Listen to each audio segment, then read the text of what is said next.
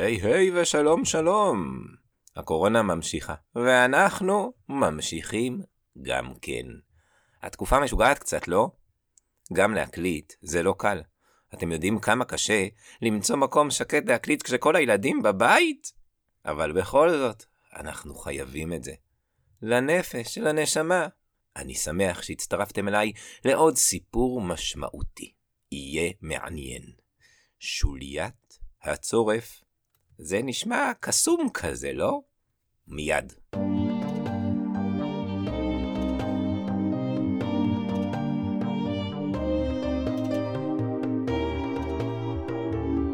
מעשה ונשמע.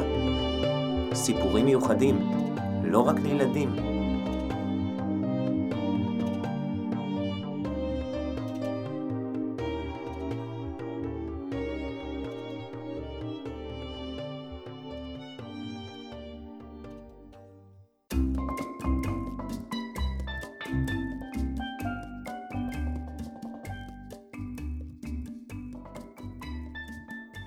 בעיירה קטנה ונעימה. חי לו הילד הקטן לבית משפחת בנסון. כולם קראו לו כך, בנסון. אף אחד לא ידע את שמו הפרטי, ולא הרבה על חייו לפני שהגיע לעיירה. למה? כי הוא היה יתום. ושתקן. שתקן גדול. הוא לא הרבה לדבר. יום אחד הוא פשוט הופיע. עם בגדים בלויים. תיק קטן, שבו היה צרור ושם היה כל הרכוש המועט שהיה לו.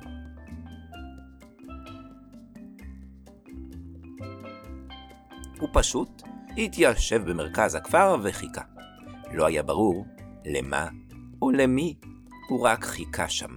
ישב וחיכה, וחיכה, וחיכה. האנשים הטובים שבעיירה הביאו לו אוכל ולפעמים גם נתנו לו להתקלח או משהו כזה. ופשוט התרגלו אליו. הוא הפך להיות חלק מהנוף. ואז הוא הפך לשוליה. יום אחד הוא פשוט התחיל לעבוד אצל הצורף. צורף העיירה, שהיה אדם זקן, בעל גבות עבותות וזקן פרוע. היה לו מראה קצת מפחיד, והוא גם לא כל כך אהב ילדים למען האמת. אבל במפתיע, היה נראה שהוא והילד בנסון דווקא מסתדרים נהדר. בנסון לא דיבר הרבה, או לא דיבר בכלל, וזה היה טוב. היה טוב מאוד אפילו. אנשי הכפר התרגלו מהר גם לזה, לראות את הצורף ואת הילד בנסון עובדים יחד בסדנה.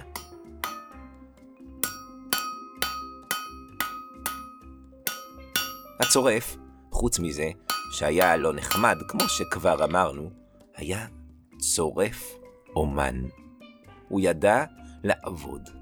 ומתחת ידיו יצאו תכשיטים מדהימים ביופיים. חזקים, איכותיים. למען האמת, לא היה ברור מה צורף ברמה גבוהה כזו עושה בעיירה כל כך קטנה ונידחת, בעוד הוא מייצר תכשיטים שמתאימים לאנשי החברה הגבוהה, העשירים שחיו בעיר. אבל אם הוא שם, לא שואלים שאלות. בנסון עבד אצל הצורף, ולמד, התפתח, גדל. לבנסון היו ידי זהב. הוא הפליא לעשות בזהב ובכסף. עוד יותר מהצורף הזקן, אנשים שהיו מגיעים לחנות היו מתפעלים מיצירות האומנות. אין דרך אחרת לתאר, והיו קונים אותן בכסף רב. הרבה כסף. הזקן, שאהב מאוד את תלמידו הצעיר, החליט שבנסון צריך לעזוב.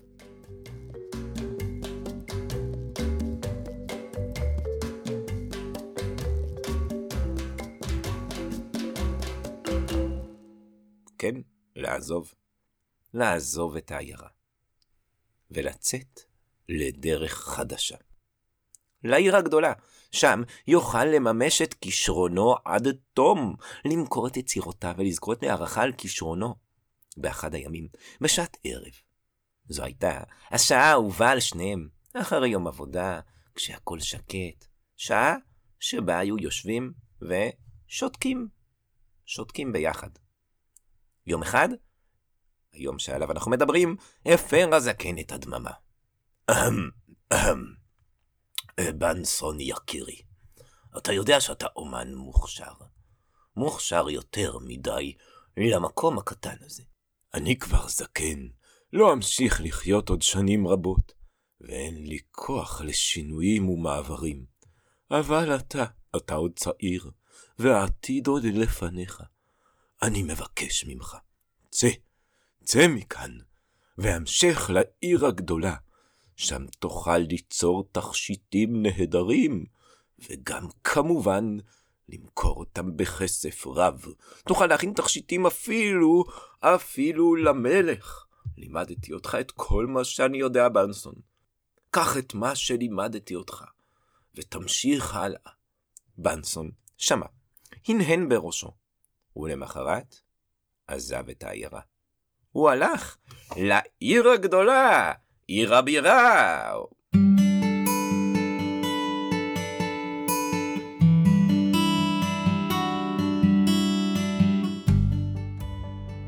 חנות קטנה הוא פתח שם, עם כל מה שצריך בשביל צורף. כלי עבודה, שולחן וכמובן תנור. תנור כדי להתיך את הזהב והכסף, כדי ליצור. ואז הוא התחיל לעבוד. הוא השקיע את נשמתו. הוא התאמץ, הוא לא ישן ימים וגם לילות. עבד, טרח, עמל, הניח את התכשיטים שיצר בחלון הראווה וציפה לקונים שיתחילו להיכנס, יקנו, ובעיקר, יחמיאו לו על העבודה. אבל הקונים לא באו. לפחות כמו שציפה. נכנס קונה אחד, יפה בחור צעיר, יש לך כישרון, זה נחמד. והלך. אחרי שעתיים, גברת נחמדה, עם הבת שלה, רצתה עגילים, אבל לא נשאו חן בעיני העגילים שהביא לה בנסון. בסוף היא קנתה משהו, אבל בנסון ראה שזה רק בגלל שריחמה עליו. ראתה את הצער שלו, שהוא מחכה לקונים. כך עבר שבוע, עברו שבועיים ושלושה, הקונים המעטים שנכנסו החמיאו מעט ויצאו. אף אחד לא קנה, חוץ מהגברת הנחמדה של ההתחלה.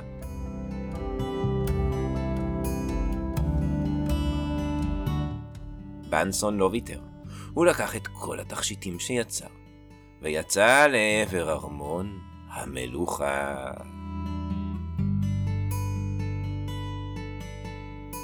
מי אתה? שאל אותו השומר.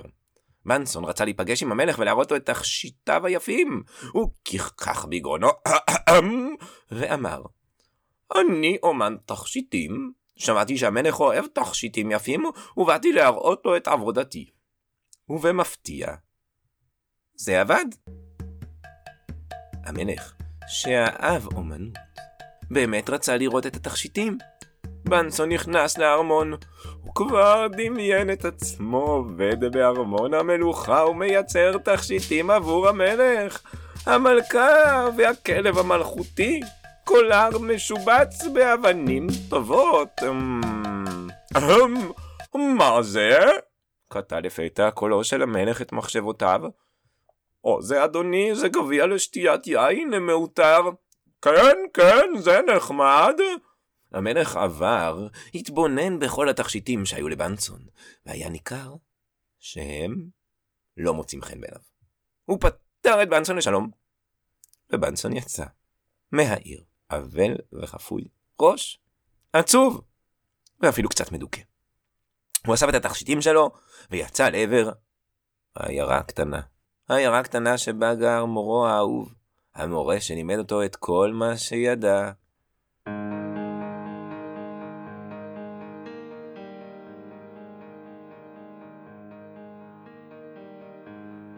בנסון!